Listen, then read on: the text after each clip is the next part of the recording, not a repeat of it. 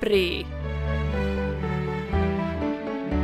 En podd om historiska öden och äventyr. Med Elin och Tove.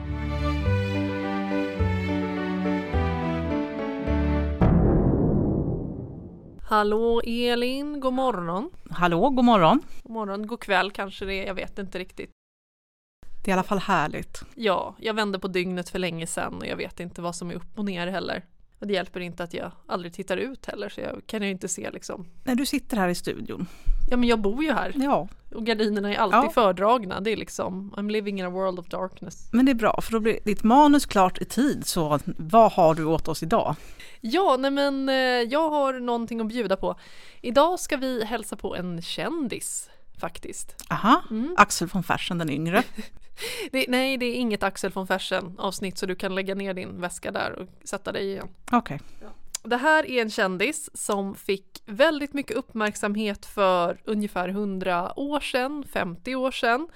Men som kanske inte syns och hörs lika mycket idag kan vi väl säga. Mycket spännande. I Sverige that is, i Finland så lever någon slags hype fortfarande kring den här personen. Men i det här avsnittet så kommer vi knyta an till ett avsnitt som kommer lite längre fram i den här säsongen. Det blir lite Ehm. bakvänt liksom. Vi knyter an till ett avsnitt som inte har varit än. Nej, Är det vad du precis. säger? Det är det, vi- det är det vi säger för Ja. det är så vi jobbar på den här jobb- redaktionen. ja, ja, men ja, jag köper det. Det kommer bli tydligt när vi knyter an. Vad bra. Men vem är det då som jag sitter och talar om? Inte Tove Jansson. Nej, det är inte Tove Nej, Jansson. Nej. nej. det blir inget Tove Jansson avsnitt, nej. Det här är kanske vårt gubbigaste avsnitt som jag har producerat och jag pratar ändå Åh. ganska mycket om politisk historia och sådär. General Georg Karl von Döben. Så militärhistoria, ja nej men det, det är gubbigt. Ja, full poäng. Ganska gubbligt och Fänrik Stål Sägner. Full poäng. Ja, vi går full in gubbe här. Det här är en person som levde under det sena 1700-talet och det tidiga 1800-talet och den här personen var lite av ett original. Han är kanske mest känd för att han figurerar i Runebergs patriotiska diktverk från 1840 till 60-talen. Då var hypen som störst kring den här gubben. Ja, och det vet till och med jag trots att jag inte har läst. Det var det, det var det jag tänkte fråga faktiskt. Den, de här, den här diktverket heter Fänrik Ståls Sägner och jag vet inte hur många svenska lärare som använder sig av den längre men min svenska lärare Berit i saligt åminne, hon eh, var ganska old school så vi fick läsa Fänrik Stål och jag tänkte fråga om du har fått läsa Fänrik Stål men nej. Nej, jag är ju lite äldre än du. Nej, det var ingenting som förekom eh, i min, min skolgång. Däremot, min man är äldre än mig. Jag tror inte han fick läsa den i skolan, men han fick dem av sin mormor som i sin tur hade fått dem i skolan som premie för bra uppförande, typ 1918 kanske. Så han hade dem och han läste dem för sina barn, alltså typ runt 1990. Så jag tror att det, de eh, har kanske en annan syn på liksom vad som är svensk litteraturkanon än deras jämnåriga, precis som, som du Ja, misstänk om man har blivit utsatt för det här. Jag tycker för övrigt det är en fantastiskt, eh, fantastisk premie för gott uppförande. 1918 är det- var det nog precis rätt eh, premie för, för liksom flit. Jag vill ge det till något barn idag. Vad duktig du har varit. Här får du Fänrik Stål Sägner del 1. Fy fan vad roligt. Vi, vi ska få det här att hända. Det här, måste ska vi göra. Ja, Mm. det här måste hända. Men om du som lyssnare fick läsa Fänrik Stål Sägner så kanske du har rätt att få seniorrabatt. Ja, Ja, precis som jag. Men han är i alla fall med en i en av de kändaste dikterna som heter just Döben vid Jutas. Och den bygger på en verklig händelse. Och den har jag tänkt att Elin ska läsa högt nu. Visst. Hela. Ja, ge mig. Och det här är ett flashback till ett museibesök som vi, jag och Elin hade för ett tag sedan när jag blev tillsagd av guiden att läsa hela den här dikten högt och jag gjorde det. Ja, det, det var, du gjorde verkligen ett bra jobb, men det var väldigt, väldigt eh, jobbigt. Jag fick beröm för att jag klarade av så svåra ord också. Ja, ja men du var jätteduktig Tove. Tack. Vi var så himla stolta över dig. I det här avsnittet har jag tänkt att jag ska introducera personen general von Döben genom olika nedslag av händelser i den här personens liv. Mm. Så det kanske inte är liksom en renodlad biografi utan lite mer nedslag, så best of grejer som händer. Perfekt. Så vi kör på det. Ja, Det finns ett porträtt av den här mannen och det är målat i profil och han ser väldigt sträng ut, du har säkert sett det. Exakt, jag vet precis vilken du menar. Mm. Alla bilder, avbildningar som är gjorda efter, de bygger på det här porträttet. Så väldigt ofta är han porträtterad i profil. Nej, alltså jag jobbade ju ett tag på Döbensgatan och då fanns Döbens pasta och pizza. Eh, Men jag kan ha hittat på det här i efterhand, att skylten hade hans porträtt. Nej, jag måste ha hittat på det här, så bra var det inte. Jag åt faktiskt lunch där ganska ofta.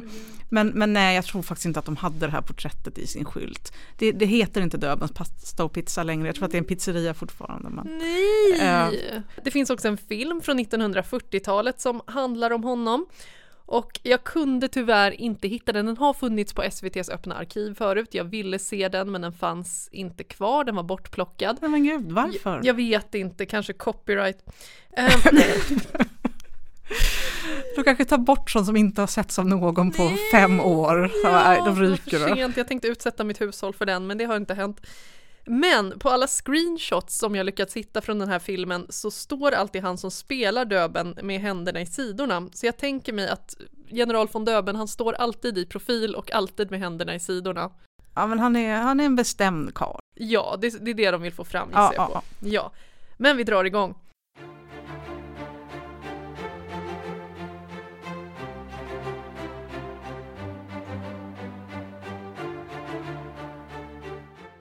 Och innan vi börjar göra de här nedslagen så tänker jag att det kan vara på sin plats att åtminstone ge en liten bakgrund till vår huvudperson. I Segerstads socken i Skaraborgs län Skaraborg, yay! Ja. Eh, där ligger gården Stora Torpa.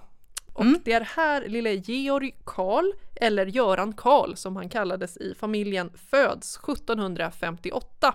Mm. Under det som kallas för Frihetstiden. Yay!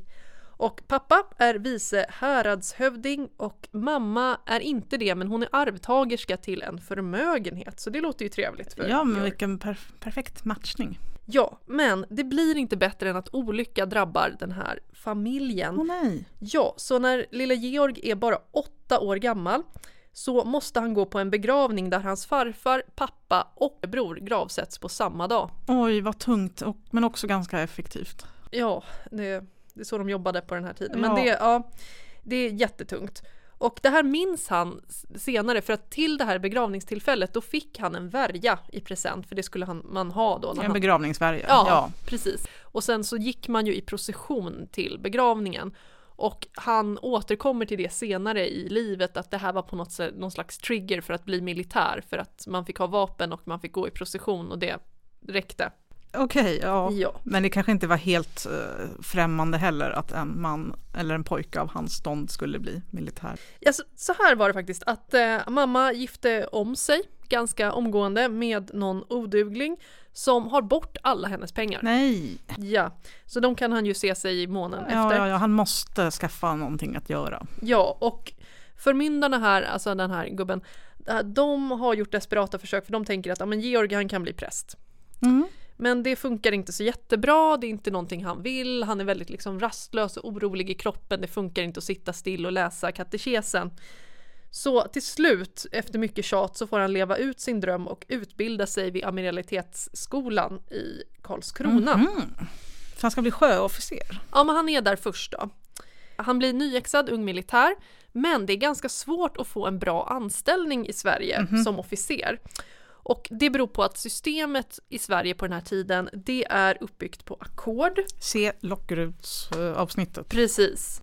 Man köper sig alltså en officerstjänst och då är det oftast eh, rika pappor som betalar för att deras söner ska få ett bra jobb med boställe och pengar.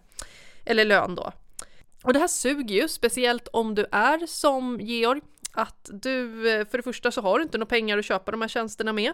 Och för det andra så har du någon slags moralisk idé om att det här är ju jättedåligt för i militären så borde det allting bygga på förtjänst och duglighet. Ja, ja, Ja. Det, det, det är en idé.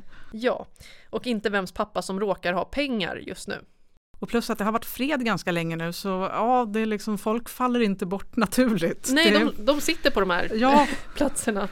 skitjobbigt ju. Ja. Så det funkar inte helt i Sverige, så att han hamnar i fransk tjänst eh, ett tag. Och eh, vid ett tillfälle får han faktiskt åka med franska militären på en resa hela vägen till Indien. Oh, wow. Och, ja, och det har vi inte till tid med nu, men han har skrivit dagbok under den här färden. Blev han upplyst? Ja, men han är, han är en Rousseau-gubbe, han gillar Rousseau. Och det gör han liksom genom hela livet. Jag tänkte att han fick någon sån här andlig, han åkte till Goa och provade lite saker, dansade på stranden. Nej, okej, okay. nej, nej, nej. Ja, precis. Nej, han, han såg faktiskt en tjej som dansade med bara överkropp en gång som han har beskrivit väldigt, att det var väldigt trevligt. Oj, ja, ja men det kan jag tänka mig. Ja. Men det hände massor med grejer i Indien, vi har tyvärr inte tid med det idag. Men så när vi nu ska träffa honom, det är år 1789 och eh, Georg är alltså 31 år gammal, världsvan för han har varit i strid i Indien med bland annat engelsmän då. då. Ja. ja, för de förlorar ju, eh, som en kontext, de förlorar ju eh, Amerika, alla kolonierna där, så då behöver de kolonisera någon annan ställe. Och, grattis Indien! Ja. Eh, ja.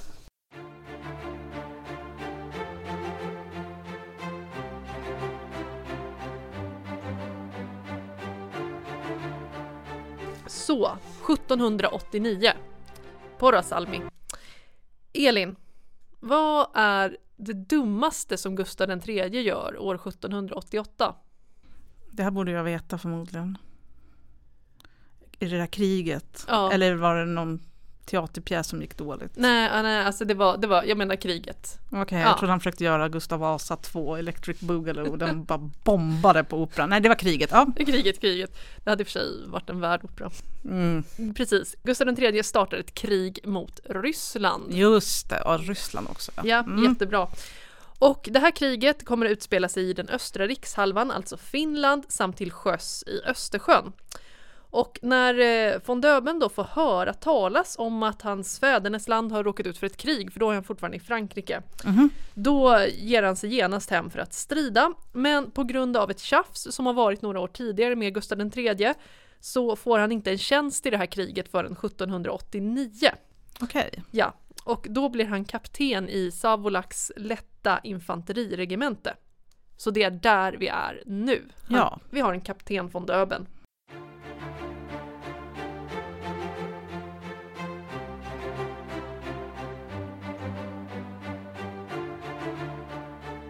Se upp Elin! Vi har hamnat mitt i en strid! Åh nej. Åh, nej. Åh, jag är Aj, inte aj, beredd aj. alls. Akta dig, akta, akta, akta! Ducka, ducka, ducka! Är det ryssar? Det är ryssar. Åh nej. 13 juni 1789. Vi är i Porrasalmi, södra Finland, strax söder om Sankt Mikael. Ryssarna har anfallit sedan klockan 03 på morgonen. Oj, det är ju jättetidigt. Ja, de svensk-finska förbanden är i underläge. Och nu försöker de stoppa de ryska trupperna för att ta sig hela vägen fram till Sankt Mikael för där finns alla förråd och ammunitionen. Men akta sa jag ju!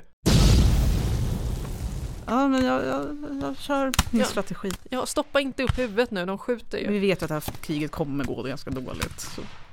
Det här är riktigt illa. Man har vid det här tillfället varit utan ammunition i flera timmar. Och de svensk-finska förbanden håller en stor ås och ryssarna kan inte riktigt se vad som finns bakom den här åsen. Och det är tur för de här Ja. ja. soldaternas moral på svensk-finska sidan den är väldigt, väldigt låg. Eh, vi kan säga att det är 6000 ryssar som anfaller. Mot eh, svenskar som inte har ammunition. Ja, det, Ja. det är lite tufft. 735 svenskar som inte... Okej, ja. mm. Och många av soldaterna på den svensk-finska sidan börjar då alltså fly för sina liv. Ja, Men då ser vi en stressad, sjukt stressad kapten von Döben, 31 år, komma springande ner för den här åsen i full fart. Springer i kapp en av de flyende soldaterna, tar fast den här gubben och släpar med honom bort till sitt befäl som heter överste Gripenberg och säger att nu ska man genast ställa upp alla soldater och låta arkebusera den här desertören inför dem. Som ett exempel. mhm. Absolut inte, säger Gripenberg. Nähä, tycker kapten von Döben. Okej, förslag två. Bind fast honom vid ett träd. Låt Gud avgöra vad som händer. Och Gripenberg säger att nej, nej, nej, du, du, hörru du, det här är kontinentala fasoner som du har lärt dig i Frankrike, så här håller vi inte på i den svenska armén, ajabaja. Men som ett litet, ja, som ett litet intro, det är väldigt, väldigt stressigt och man får tydligen inte bara spontant arkebusera soldater som eh, deserterar. Okej, okej, de kanske måste ha krigsrätt eller någonting. Ja, jobbigt, byråkratiskt. Ja, byråkratiskt. Mm, det är man lätt. får inte bara... Nej, Men nu är man under så pass tung beskjutning från ryska förbanden då att hela åsen här ligger i krutrök. Man kan liksom knappt se. mm. Soldater och officerare de faller till höger och vänster. Det här är ett riktigt blodbad vid Parasalmi. Och von Döben han kommer på en plan så han ger order om att soldaterna ska ropa Hurra! Hurra! Hurra! Det är alltså för att få ryssarna att tro att förstärkningar har kommit. ja, Och de verkar tro på det, så de, de, de backar undan lite grann när det här händer. Ja, men våran huvudperson då von Döben, han står helt rak mitt i den här eldgivningen. Han får tydligen kritik av det från sina befäl att nej men det är jättekorkat att stoppa upp, upp huvudet, men det, det gör farbror. man måste ju se vad som händer va? Ja, precis. Gissningsvis har han händerna i sidorna, jag vet inte.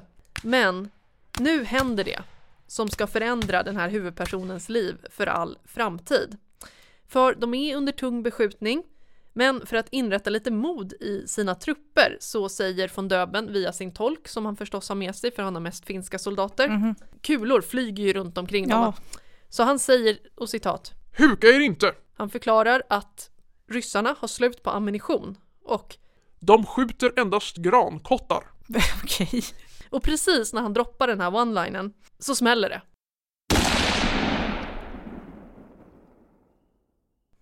Von Döben träffas av en kula mitt i pannan. Inte en grankotte. Nej, det var en riktig Men jag kan kula. tänka mig en grankatt som skjuts med sån kraft kan nog också göra ganska stor skada. Ja, det kan det nog, men han Ja. blir träffad av en kula. En riktig kula. en riktig kula rakt i pannan. Rakt i. Yes, eh, mitt framför sina soldater. Och i sådana här situationer så brukar normala människor Dö. Ja, man brukar falla död ner. Det gör inte han. Han gör inte alltid som de andra gör. Istället så står han kvar med blod forsande ner för pannan, vänder sig om till soldaterna och så säger han Nu går jag och dör. Men låt för all del inte det här packet komma över hit. Så metal. väldigt, väldigt metal. Och sen mum- mumlar han massa böner också. Ja. Och sen vinglar han liksom ner för åsen, får lite stöd av en, eh, en underofficer där. Får ett litet bandage. Går iväg baklänges för att leta efter en häst. Vad ska han med den till? Han måste ju rida iväg Ja. till någon bättre sjukvård, han är skjuten i huvudet. Ja. Och han får låna en häst av en annan officer som kanske är lite stressad och lite chockad för att den här officer står där nedanför åsen och har fått för sig att han har blivit skadad i handleden. Mhm. Men han har inga skador alls. Det är inte rätt tid för din hypokondri nu. Kom det. Igen. Döben, han är ganska bra på one-liners den här gubben. Så han får till en one-liner till nu i det här tillfället och han säger att, Ja, och det är det lindrigaste man kan säga om honom. att han har fått för sig att han är skadad. Jaha, det är det lindrigaste man kan säga om den här personen. Och Döben, han lyckas få läkarvård och läkaren konstaterar att, ja men gud, den här kulan har studsat på något sätt i ditt pannben. I ditt tjocka, i din tjocka skalle. Så bra, då kan vi jobba vidare. Von Döben, han sätter sig med papper och penna och skriver en rapport om vad som har hänt under den här striden då, hittills. Men den pågår fortfarande? Ja, men han, han måste skriva, måste sin skriva rapport. Ja, han skriver en halvsida rapport med blod som bara rinner. Så att, jag vet inte, det här kan vara någon reklam kanske för Försäkringskassan eller någonting. Ja, ja, ja. Sen blir han faktiskt sjukskriven och man nej, du kan inte gå tillbaka Nej. till ett krig, du har blivit skjuten i huvudet. Och han har eh, superont i huvudet, Jo, jo. så han får gå och lägga sig.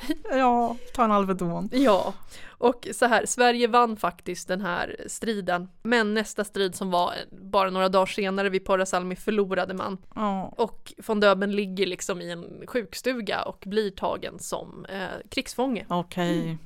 Men bonus one-liner. Han fick till den här one-linern när den ryska befälhavaren kommer in där och de har alla krigsfångarna som sitter i det här sjuklägret. Och då frågar han dem så här, ja vilket språk talar ni? Och då svarar Döben, Alla språk utom ert. Haha. i och med att det här är en officer så hamnar han i Stockholm som någon slags hederskrigsfångenskap. Så att han är krigsfånge men han får bo i Stockholm. Det är jättekonstigt. Jag vet. Och det är knappast så att Jöns Jönsson från Hedemora fick göra det. Eh, Nej. Men officer. Men okej, ja.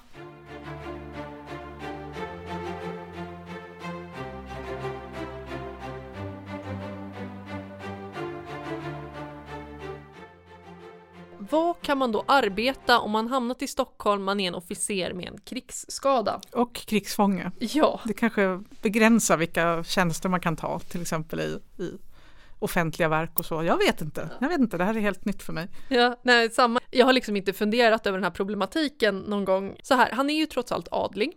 Och i förra säsongen av Lappri, då fick vi lära oss att 1789 så inför Gustav III den så kallade förenings och säkerhetsakten. Oh, Ja, och då vill han bara ha en viss sorts människor vid sitt hov, alltså adliga personer, så det kan ju vara en liten, liten ingång, ett litet privilegium där för Georg. Så han får faktiskt ett erbjudande om han vill bli kammarjunkare vid svenska hovet. mm.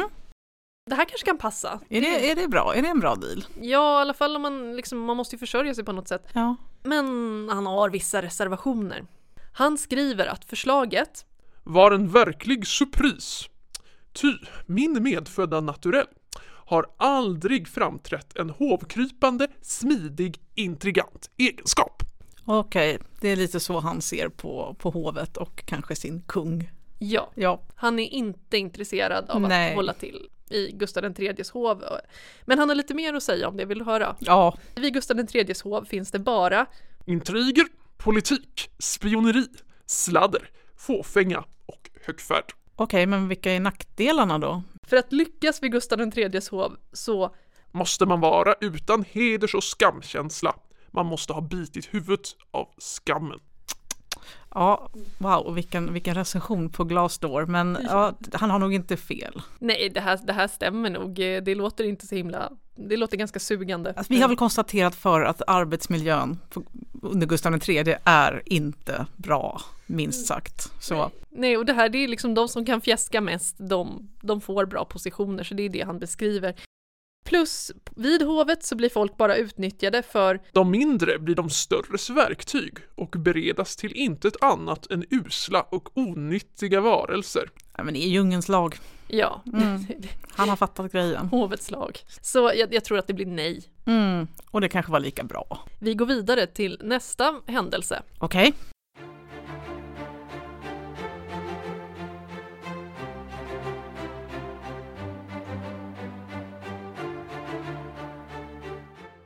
Jag har fått höra från en säker källa att man ska helst inte äta när man lyssnar på den här sektionen. Men vad händer då? Ja, men kriget tar ju slut 1790. Han kommer aldrig tillbaka i strid. Nej, nej, nej, nej, nej, gud nej.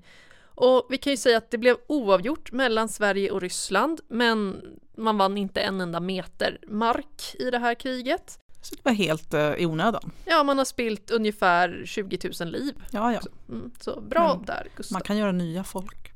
Precis, det är gratis att göra nya Ja. folk. King of the year. Men hur många har blivit skadade i det här kriget, det vet jag faktiskt inte. Men väldigt många, gissningsvis. Betydligt fler än 20 000. Och så är det ganska dyrt att hålla krig också och Sverige har ju så jättebra ekonomi. Ja, jo men han har ju bränt hela ekonomin på det här eh, fåfängliga kriget, men så kan det gå. Mm. Men jag tänker att vi ska hälsa på en av de här som har blivit skadade i kriget. Så vi åker hem till general von Döben igen, eller han är inte general, nu är det kapten von Döben. Vart bor han nu då? Ja, så här Elin. Eftersom ett avsnitt av Lappri alltid sitter ihop med ett annat avsnitt av Lappri så bor han faktiskt hemma hos en person vi känner väldigt väl i den här podden. Okej. Han bor hemma hos Claes Fredrik Horn. Okej. Ja, Oj, oj, oj. Ja. ja. Och Claes Fredrik Horn är alltså han som ska bli kungamördare om bara något år, för det här är 1790-tal. Yes, de är kompisar, han bor där. Ja, Jag menar hon har ju sin familj och fru och säkert småbarn som springer runt och sen sin kompis också. ja Eh, men kan vara skönt att få lite familjeliv efter tuffa, tuffa år. Men så här, han, är, han har ju fortfarande blivit skjuten i huvudet, allt är jättejobbigt. Och dessutom har han och många andra krigsfångar då, officerade som blev krigsfångar, de har blivit snuvade på lön av Gustav III. Det är faktiskt riktigt, riktigt pissigt. Ja. Men hälsan plågar honom mest, så han berättar själv. Hela året 1790 var jag utan särdeles verk, men i januari 1791 hade jag oerhörda stickningar, en ängslan och en svaghet i huvudet. Detta tilltog så att jag i början av februari märkte att det djupa ärret av blessyren hade minskats och snart började gruvliga spänningar i pannan så att jag har svimmat flera gånger. Oj. Ja, det låter lite som att man ska ringa 1177 nu. Men hade kulan verkligen studsat eller sitter den där någonstans? Du ska få veta vad som okej, hänt. ja. Mm. Han har alltså väldigt ont i huvudet Ja, och professor Hagström som är någon slags läkare, han ska fixa det någon här. slags läkare. Jag hoppas det. Jag hoppas att han inte är professor i typ litteratur eller någonting. Och eh, professor Hagström ordinerar bland annat blodiglar över ögonbrynen. Mm. Och i februari så har han liksom som en, någon slags böld liksom utslag där, där sk- skottet har suttit. Det, den bryter upp och så börjar det rinna ut ett äckligt illaluktande var. Någonting är inte bra här. Nej, nej så, här, här, så här ska det inte vara. Han behöver gå till apoteket. Ja, Verken släpper. ja, ja. Ja. Yay! ja. Men det är ett hål i pannan och benbitar börjar ramla ut. Hmm. Ja, så det här är inte så bra. Så läkarna bestämmer att man ska utföra en trepanation. Okej. Ja. Och det här är alltså en slags operation när man borrar i kraniet. Och det här är 1791 så ja. Yes, ja. Ja. Vet du hur man utför det här ingreppet på 1790-talet? Nej, måste jag få veta det också? Jag tänkte att du ska få veta Okej, det ja, nu. mm. Ja, men så lägg ner maten. Det här utförs hemma i huset då, där Döben bor, så hemma hos Claes Fredrik Horn. Okej, ingen klinik här. Utan, Nej, nej, nej, men det här kör vi hemma. Ja, så att han har ju småbarn och springer säkert och spelar fotboll Ja. i något anslutande rum där. De lägger ut halm på gatan utanför så att eh, när det kommer vagnar så ska inte huset skaka så mycket när läkarna håller på och jobbar. Hmm. Det är planen i alla fall. N- Om jag skrattar så är det för att jag är nervös. Man börjar förbereda för det här ingreppet 19 april genom att man flår hela pannan på gubben. Men gud. Ja. Och han noterar att det tog 17 minuter. Sen blev han behandlad med opiumdroppar. Det var nog bra. Ja. Och lite åderlåtning på det. Ja, men det var förmodligen mindre bra, men han Ja. kanske blev lite lätt i huvudet. Det kan hjälpa. ja, men det här var bara början. För att det sitter kvar lite nervtrådar som de måste skrapa bort efter Ja, det. bort med skiten. Japp, japp, japp, japp. Och om du som lyssnar fortfarande äter, då får du skylla dig själv nu. Fläsksvålar. Ja. Två dagar senare så utför man själva den här operationen då. Så han bara ligger med flodd öppen panna i två dagar. Ja. Så här, "Nej, vi kan inte göra det här nu, jag har, jag har någonting annat. Nej, och lyssnar på mm, Horns barn som typ Ja. tittar på Paw Patrol eller någonting. Ja, nej. Och då under operationen så kommer de med vad Döben beskriver som en spikborr och alltså borrar ett hål över höger öga. Jag antar att det är också bara en vanlig borr som man lika Ja. gärna kan ha till snickeri eller någonting. Ja, men det finns faktiskt sparad i livrustkammaren. Oh. Ja, så jag kommer lägga upp en bild av den här Ja. borren på våran Instagram. Det tog 23 minuter och Döben satt hela tiden och tittade på operationen i en spegel så han följde precis vad som hände. Ja, men det kanske, ja, nej, men jag kan förstå. Men de brukar ju fråga när de ska, ta, när de ska ge en spruta, vill du titta eller titta bort? Ja, Och är man ändå vaken, för han är ju inte medvetslös. Han satt och tittade på det här, ibland så skrek han. Eh, citat. Det gjorde gruvligt ont. jaha, Jag, jag, jag nej. gissar på det, så att det Ja. gjorde jätteont. Och det här får man komma tillbaka och göra i omgångar då. Men den 27 april, då lyckas läkarna få ut en stor benbit som har varit intryckt. Så att Mm. gissningsvis var det, det fast, satt ingen kula där inne men en bit hade liksom Ja, tryckts till. sönder. Ja. Ja, och suttit på ett konstigt sätt och klämt. Så att de får ut den. 3 maj, då gör man samma sak, man får ut flera stora benbitar. Så totalt fyra dagar håller de på med den här operationen. Men han överlever det här. Och det var tydligen lite av en medicinsk nyhet på den här tiden, för det var tydligen lite Hail Mary, vi testar. ja, men jag tänkte det här, är det ren tur det här eller var de skickliga? Det vet jag faktiskt inte, Nej. men det, det var tydligen mm, så här, du kommer, du kommer stryka med om vi inte gör någonting åt det här så vi provar. Ja, ja. Och det gick bra, men det var liksom lite av en sensation i det medicinska communityt förstod jag i alla fall. Bland annat nås Gustav III av detta och han har ju en kommentar också. Okej. Vill du höra den? Ja, Måste jag hitta min röst bara. Ja, det var ett gott botemedel för en tjurskalle. ja, men den var inte dum. Och så såg han säkert jättenöjd ut. Ja, Varmfält, hörde du vad jag sa? ja fast det. Ja, eh, så det är Gustav IIIs one-liner till det här. Men det här går ju faktiskt bra så att redan den 3 juni så kan eh, Döben gå ut och gå på en promenad. Ja, Och i augusti så har faktiskt såren läkt, så det tog några månader. Ja, ja. Men så här, det här såret i pannan då där de har borrat, det lämnas öppet för att de vill inte att det ska orsaka samma problem i framtiden. Mhm. Och om du som lyssnar på det här har någon typ av medicinsk expertis så får du gärna väga in, för jag vet inte om det här var ett bra beslut eller inte. Det låter inte som en jättebra idé att ha ett ständigt öppet sår eh, i tider när vi inte känner till bakterier och eh, desinfektion och sånt. Men, men jag, jag vet inte heller, jag är Ja, inte men- ens någon slags läkare, jag är inte ens något. Nej men precis, och det tänkte jag också på, det här kan ju inte vara så bra, men samtidigt så fortsatte tydligen benbitar ramla ut ur pannan i flera år framåt, så här bara spontant att oj, där kom det en. Ja, Och han blir tydligen till... partytrick. typ. Men han blir faktiskt tillsä- tillsagd av läkaren att han får inte snyta sig för kraftigt om han är förkyld till exempel.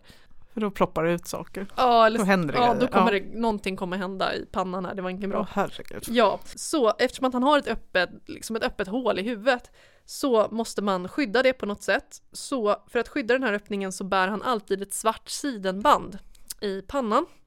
Som ett pannband eh, som man kan se på porträttet då att han har och på alla bilder. Ja, Så det här är liksom inte ett fashion statement, eh, även om det ser ganska tufft alltså det, ut. det är det ju också men, men det har också en väldigt praktisk funktion. Och det gör att han i framtiden av soldaterna kallades för svarta bandet. Ja, Och det, det är ju ganska tufft. ja det är ganska coolt. Men jag tänker att vi ska försöka lansera någon slags halloween-kostym i sån färdig plastförpackning som du kan köpa på Buttericks. Med, Ja, ja, ja, ja. med general von Döben och då är det bara typ någon militärjacka och sen ett pannband. Ja, Så, det var operationen. Och om du fortfarande lyssnar, grattis! vilken pers. Ja, men vi går vidare till nästa nedslag.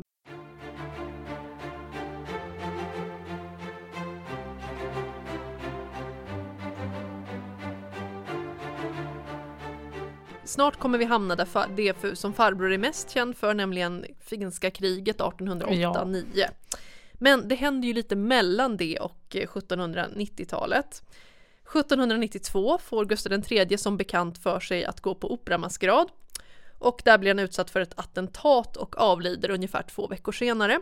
Hertig Karl tar över i en provisorisk förmyndarregering eftersom Gustav IV Adolf bara är 13 år när pappa dör. Och gravt traumatiserad.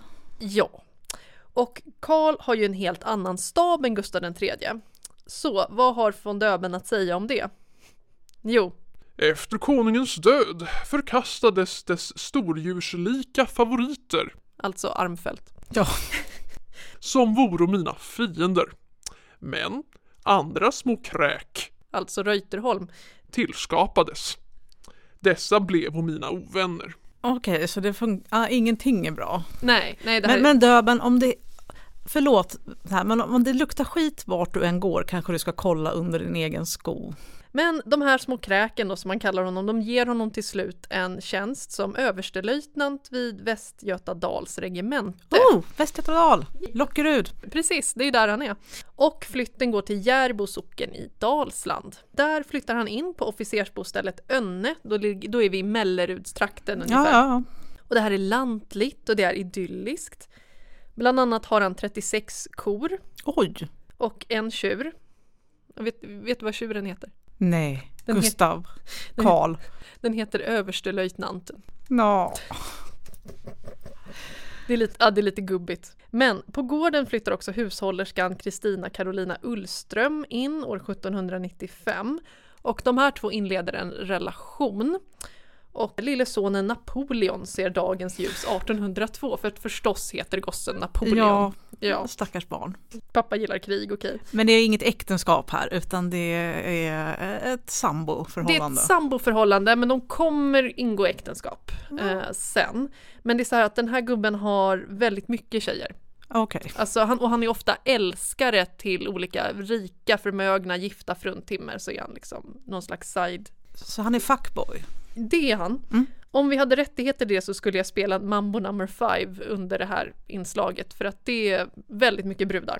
Vi kan försöka åberopa citaträtten.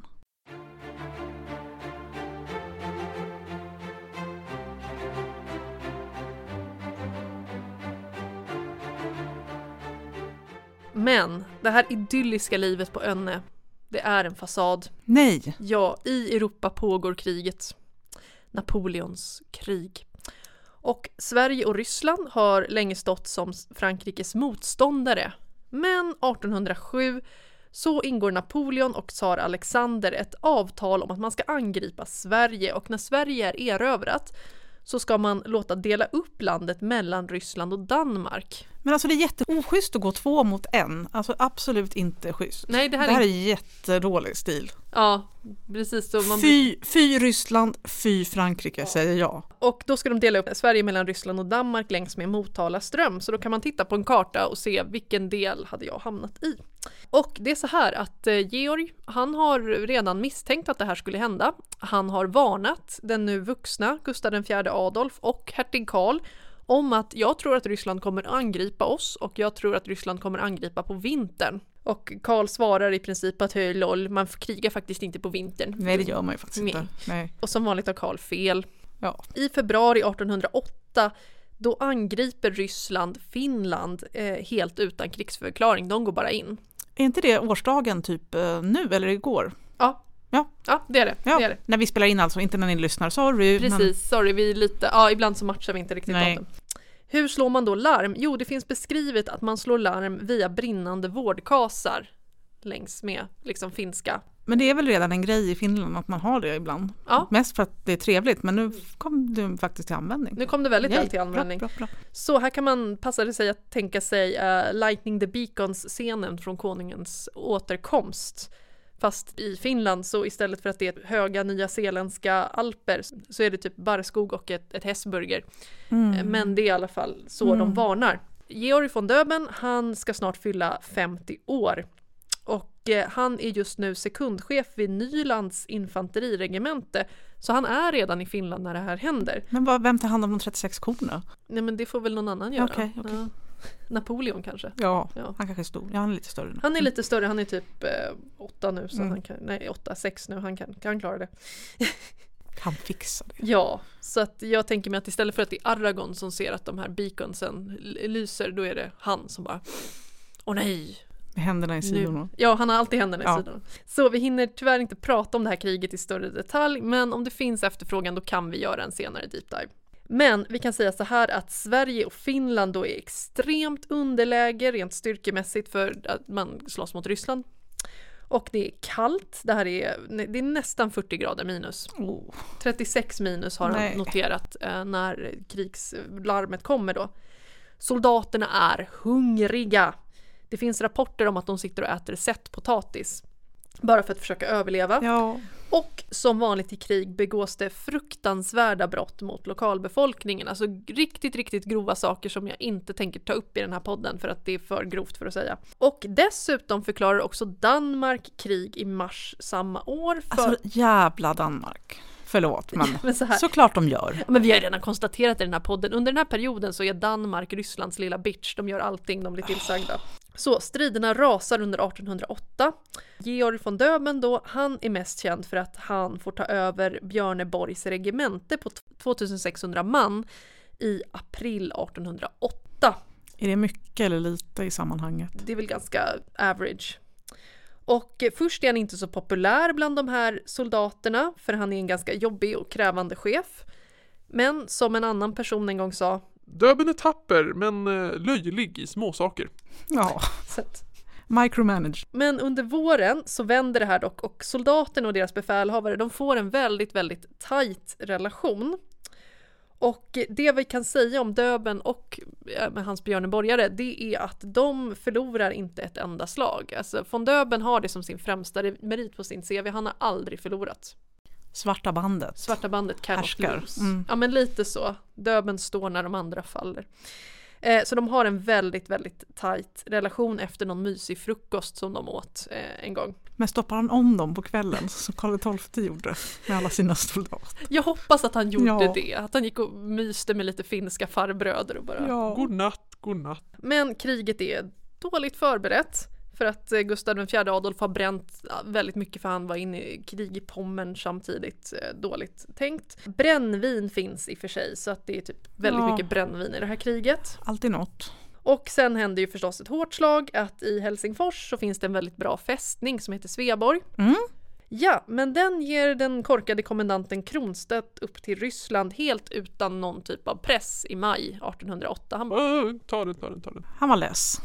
Ja, han Jag fick, orkar inte. okej så här, eh, han är död nu så jag kan säga det här, men Kronstedt fick väldigt mycket pengar av Ryssland. Okej, Så, ja. ja. så nu sitter ryssarna på en väldigt stark fästning på finsk mark också, så hurra! Det här blir bara värre och värre. Ja.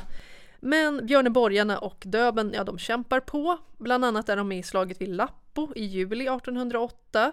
Svensk seger. De segrar vid Kahojoki i augusti 1808 också. Men alla vägarna leder till Jutas. För nu har vi redan hamnat i september 1808. Den svenska armén förflyttar sig norrut längs kusten i Finland för att försöka rädda de förråd som finns. Svenska armén i, i princip på flykt från ryssarna. Mm. Man måste ju ha lite folk som håller söderut. Det blir Döben och hans korkade frenemy general eh, Karl Johan Adlerkreutz som är jämngammal med Döben. När jag satt och jobbade med det här manuset, hans namn stavas ju Adler C-R-E-U-T-Z.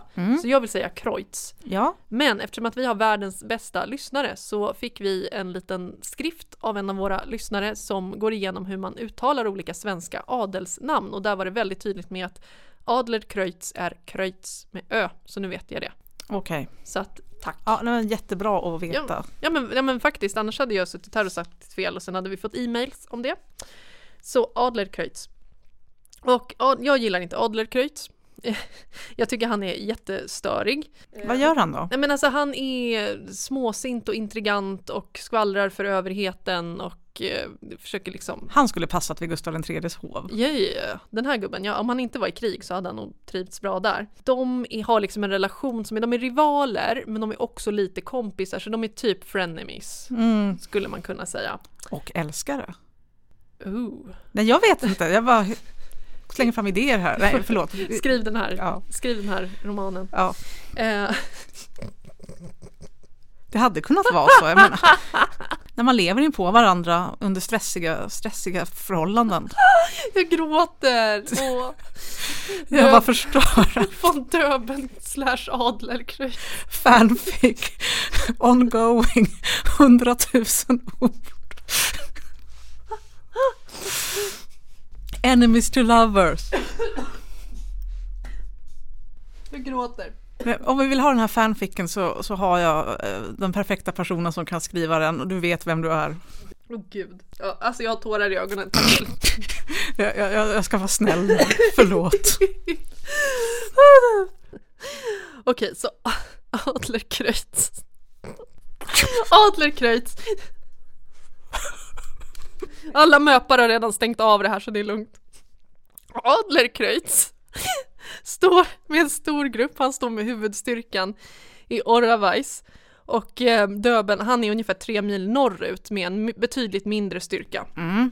Det här som är slaget vid Jutas som är nu, det här är ett legendariskt det slag. här är slaget Det här vid är Jutas. nu är vi vid slaget vid. Jutas. Ja, ja, ja, ja. Eh, och så här, alla är sjuka. Nej. Dysenteri sprids Ah, bland oh, soldater. Ja. oh. Det regnar, de är blöta, de är kalla, hungriga, utslitna, trötta. Det är typ Roskildefestivalen. Ja, förutom att de här soldaterna har deltagit i åtta strider på en månad och marscherat flera mil om dagen. Så det här är så här sega finska farbröder som är ganska slut, slitna nu. Döben själv, ja han är också sjuk. Han har kraftig feber, men han är på plats. Jag hittade tyvärr när jag satt och skrev det här manuset så läste jag en biografi och där stod det att eh, han var ju liksom ganska smutsig, han var ju ner och gick i leran och sådär.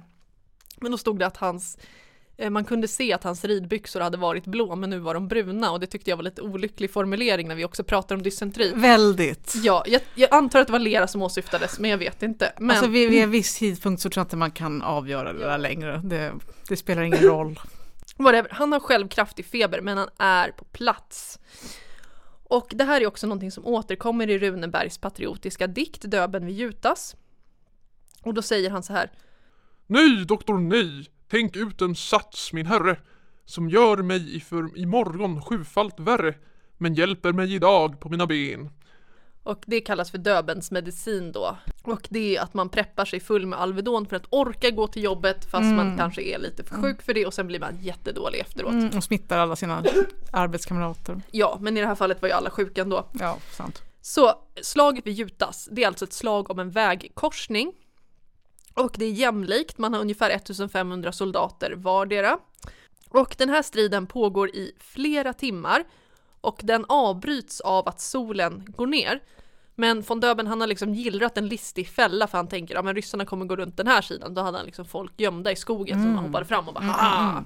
Och det slutar med att när solen går ner då flyr ryssarna. Den här segern har blivit väldigt hyllad och ihågkommen i efterhand och hur episk och viktig den var med facit i hand det vet jag faktiskt inte, det får jag lämna till militärhistoriker för att jag är ingen militärhistoriker. Men i stunden så var det många som tyckte att det här var väldigt stort, von Döben kan inte förlora. Men, ja hur ska jag sammanfatta det här? I det långa loppet så spelade kanske inte Jutas så stor roll, för Adlerkreutz förlorar vid Oravais. Okej. Ja, Han hade inte alls samma game som... nej nej nej, nej gud nej, Nej. nej. Och han, men han, innan någon skriver, ja vi kommer få brev om det här, ja Adlerkreutz förde befäl vid Lappo, vi vann vid Lappo, jag vet, okej. Han är en accomplished general, jag bara tycker inte om Adlerkreutz. Men han förlorar vid Oravais, gör tydligen världens misstag för att han, ryssarna flyr och då börjar han förfölja dem och det blir inget bra och sen får han fly istället. Och, ja. Så i oktober 1808 så drar sig den svenska armén ur Finland. Bara lämnar dem åt sig Ja. själva. Ja, men man tar ju med sig soldaterna. Ja men de andra, Ja, ingen de andra. försvarar dem längre. Nej, folket får vara kvar. Ja. Vi går vidare för nu kommer Döben sätta kungen på plats.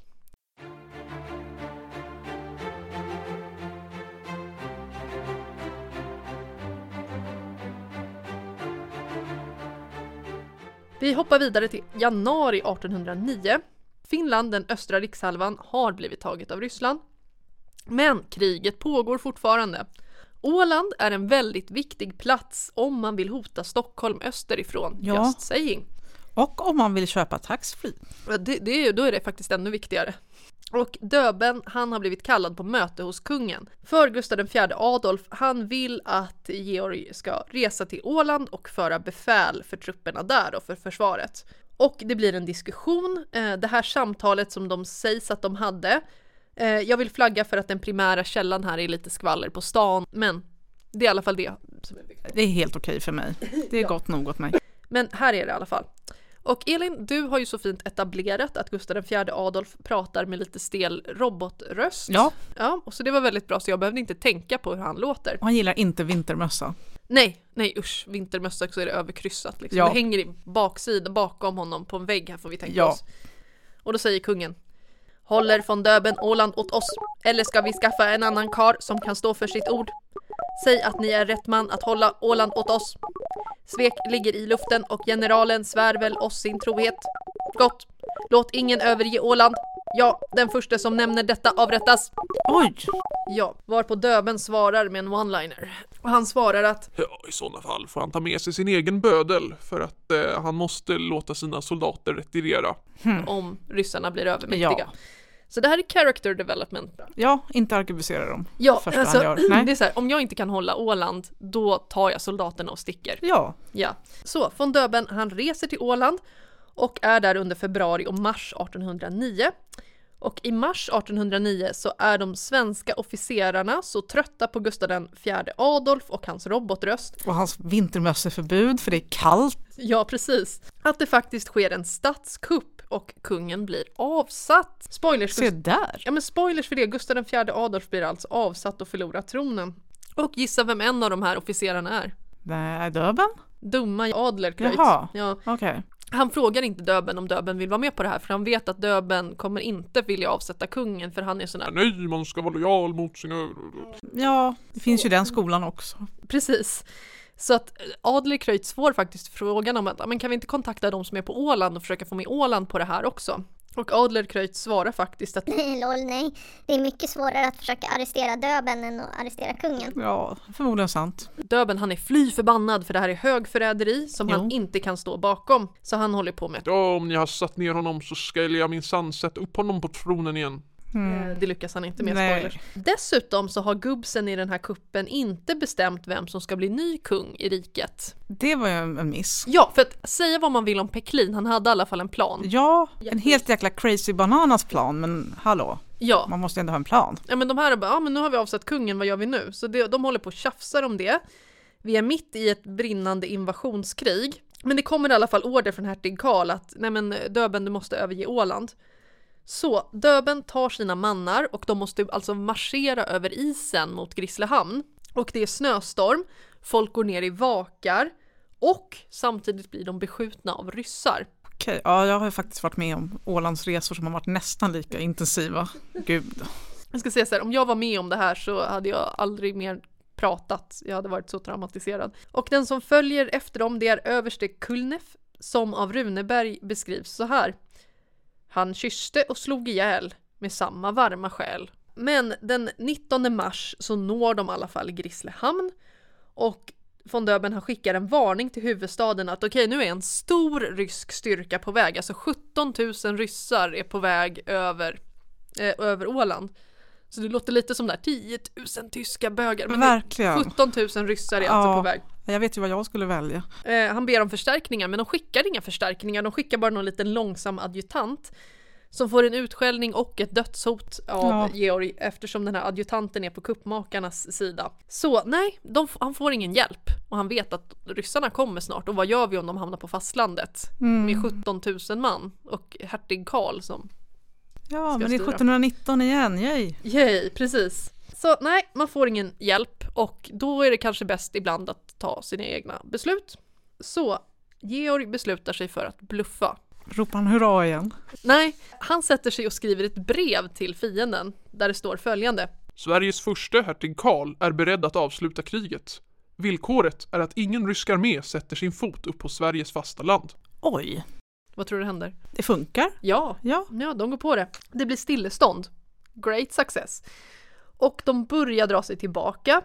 Och eh, ja, hertig Karl han skriver faktiskt på en riktig stilleståndsförsäkran bara några dagar senare, den 22. av sig själv eller måste döben komma och skaka honom lite grann? Nej men av sig själv, jag tror han fattade att ja ah, men oj de har börjat backa. Mm, mm, mm, mm. Så Karl har faktiskt skrivit på en, en, en riktig stilleståndsförsäkran. En del säger så här, von Döben räddade Sverige från det här delningen vid Motala. Vet inte om det stämmer, det känns väldigt mycket för att en person med ett papper ska göra det. Mm. Men vi kan säga att han bromsade i alla fall det ryska avancemanget plus att det var en annan officer som hette Lagerbring som också hjälpte till att intyga att det här faktiskt stämde. Men de bromsade det här ryska avancemanget så pass mycket att eh, det kunde komma ord från den faktiska Karl att ja men det här är på allvar. Lite senare samma år så kör Döben en liknande bluff mot ryssarna i Umeå som de också går på. Och det är bra när man hittar något som funkar. Ja, kriget tar till sist slut och fred skrivs i Fredrikshamn i september 1809. Och det är här som Sverige och Finland formellt skiljs Ja. åt. Eh, Och jag vet inte om det var här eller något tidigare när Karl skulle skriva ett papper och sen tog fel på Kemi och Kalix älv och skrev att ja men det kan delas vid Kalix älv och alla bara nej nej nej Karl, Kemi älv, Kemi älv, Kemi älv. De ligger väldigt olika Ja, eh, det till hade- så att det hade mm, ja. blivit väldigt fel. Men, bra. Men, men Karl kan ju inte göra någonting rätt. Så. Nej men Karl orkade inte titta på en karta. Vi går vidare lite grann med en liten liten parentes.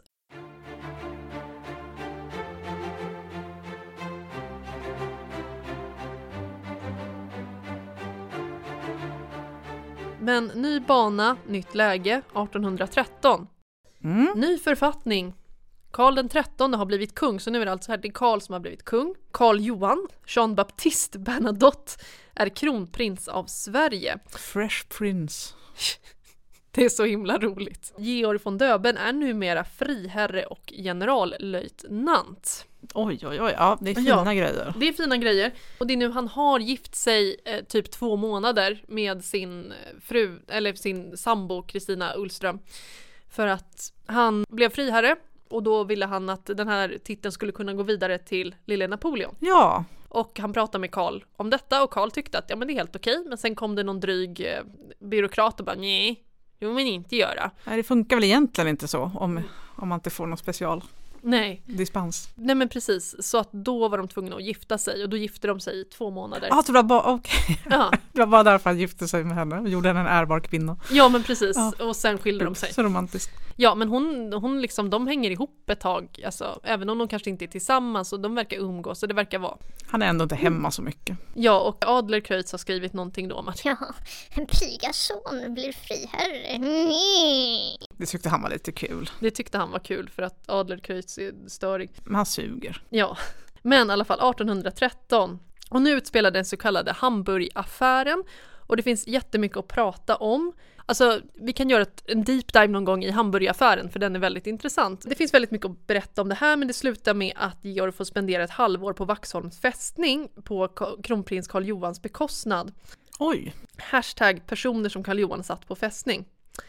Och detta efter att han har gått iväg med trupper mot Hamburg 1813 för det var ockuperat av Napoleon. Och det var tvärt emot vad kronprins Karl Johan ville men Karl Johan var inte där och han var jättelångsam. Och men Karl Johan vill inte attackera sitt gamla hemland. Men det har inte han sagt till någon utan han bara kör med någon dold agenda. Och sen slutar det med att alltså Döbeln och Adelkreutz de är nere i Hamburgtrakten till Tyskland och när Hamburg är hårt besatt och de känner sig oroliga, så ska vi göra? Ska vi gå in i Hamburg? Ska vi, gå inte, ska vi gå inte gå in i Hamburg? Och till slut säger Adlercreutz till Döbeln så här att Ja, men du kan ju styrkedemonstrera lite. blink blink. Och då vet han precis vad han gör för det kommer trigga från Döbeln och gå in med krig och det gjorde han. Och sen så fort eh, Karl Johan kommer fram så kommer Adlercreutz och bara Titta men gud. Ja, jag vet. Så då blir von Döben ställd inför krigsrätt och eh, lärdomen här är att man ska lyssna kanske på sin överordnade och inte hålla på och freestyla för det fanns faktiskt en, en order från Karl Johan att inte ingripa förrän han var på plats. Okej, nej, men då får man lite skylla sig själv då. Men han blir i alla fall ställd inför krigsrätt för det här och det var ett helt drama, han blir dömd till döden. Men Karl Johan bestämmer sig för att benåda von Att han Döben. är så god. Ja, han inser att oj, den här personen är ju värsta krigshjälten från finska kriget, det är dåligt att Han har liksom inte koll på vad svenska folket gillar och inte gillar. Liksom. Han är ju helt ny. Ja men precis, han förstår inte att oj den här gubben är populär. Nej. Men det blir fästning! Straight to fästning! Vaxholm. Och von Döben är jättearg över att han blev benådad. Och här kommer en till one-liner. Aldrig i livet! Har man dömt mig till döden så får de fan skjuta mig också! Det här kommer ju bli en, en grej kan vi ju säga med eh, Karl XIV Johan och folk som han sätter på fästning. Vi, vi kommer nog återkomma till det här. Fästning! Straight to fästning! Obs, de blir sams sen. Ja, Ja, men han får vara ett halvår på en fästning och det är jättetraumatiskt och han, mår, han är jättedeprimerad.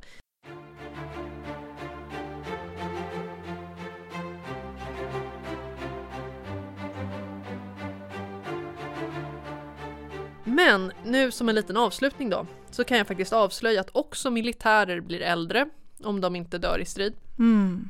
Och efter han kommer hem från Vaxholm så ägnar sig von Döben främst åt lite mer privatliv, tillbakadraget med sin äldsta son Napoleon. har han fler barn? Han får också den yngsta sonen Viktor som kallas Lille Vicke Ja, och mamma till den här pojken heter Anna Björk. Så det är en annan mamma än Ja, ja. Napoleon. Mm. Ja, och han föds alltså, då är pappa 58 år gammal. Lite mysigt och han har ett litet småbarn hemma och sådär.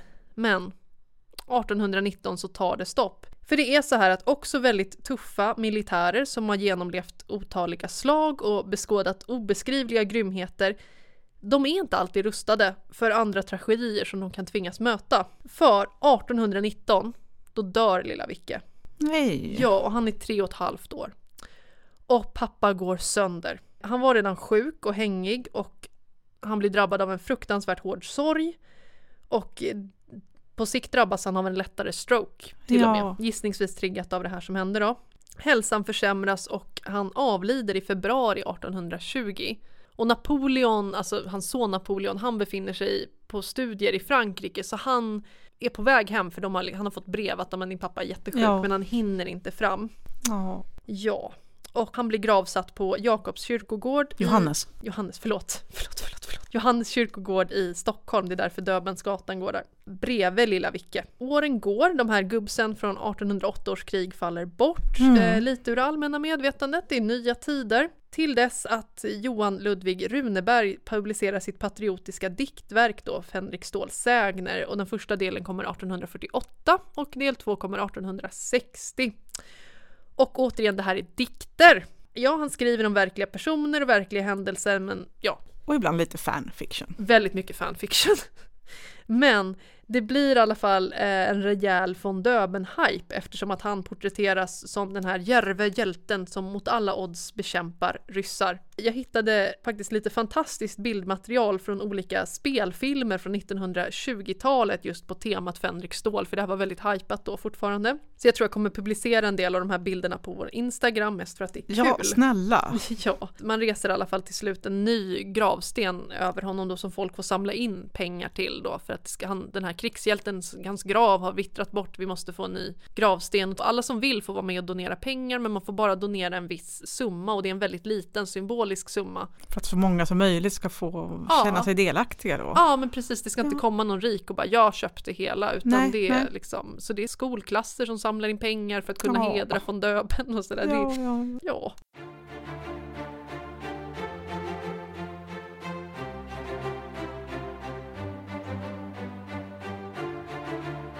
Vad kan vi då lära oss om historien om von Döben? Och de flesta biografier om honom, de brukar lyfta några ord som en av hans goda vänner, general Fabian Vrede, uttryckte. Och han sa Var i skada på von Döben.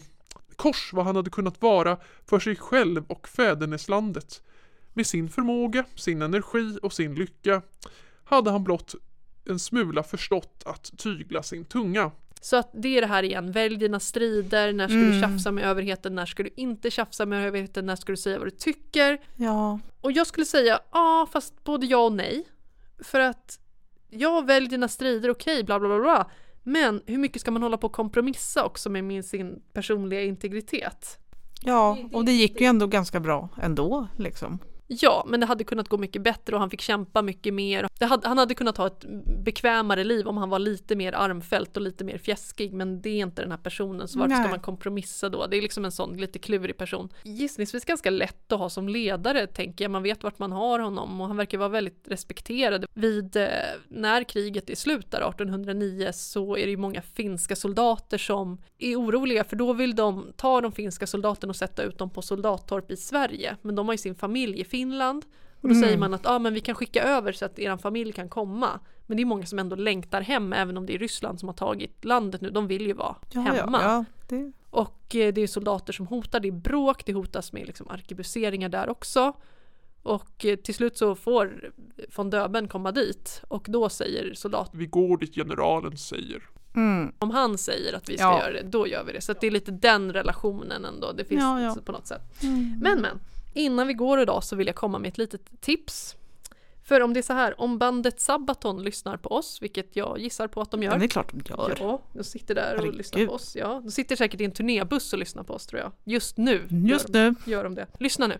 Ni kan göra ett konceptalbum som heter Fänrik Stål sägner och så ska det handla om kriget 1808 till 9 och sen kan ni släppa det 2028 så blir det någon slags jubileum i alla fall. Ja, Så det är mitt tips till er, helt gratis. Varsågod. varsågod. Och det var det jag hade att bjuda på idag. Tusen tack Tove. Varsågod, det var vårt gubbigaste avsnitt tror jag. Ja, nu ska jag gå hem och inte läsa Fänrik Ståls sägner, men eh, en annan gång. Åh, Fänrik Stål sägnaren, chill. Ja, men vi måste starta den här eh, stiftelsen som varje år delar ut Fänrik Ståls sägner till en typ tioårig flicka eh, som har varit duktig i skolan. Alla bidrag tas emot. Tusen tack för att du har varit med och lyssnat på oss i Lappri idag. Hej då! Du har lyssnat på Lappri, en podd om historiska öden och äventyr. Vi som har gjort podden heter Elin och Tove. Du kan följa oss på Instagram på lappripodd, besöka oss på lappripodd.se och lapprimerch.se. Och om vi hade väldigt fel kan du mejla oss på lappripodd@gmail.com.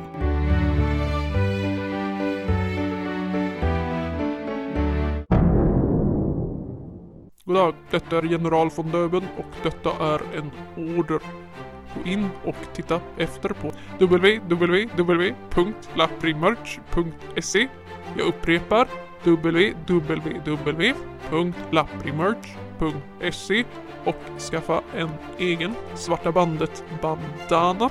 Jag köper alla mina svarta band från www.laprimerch.se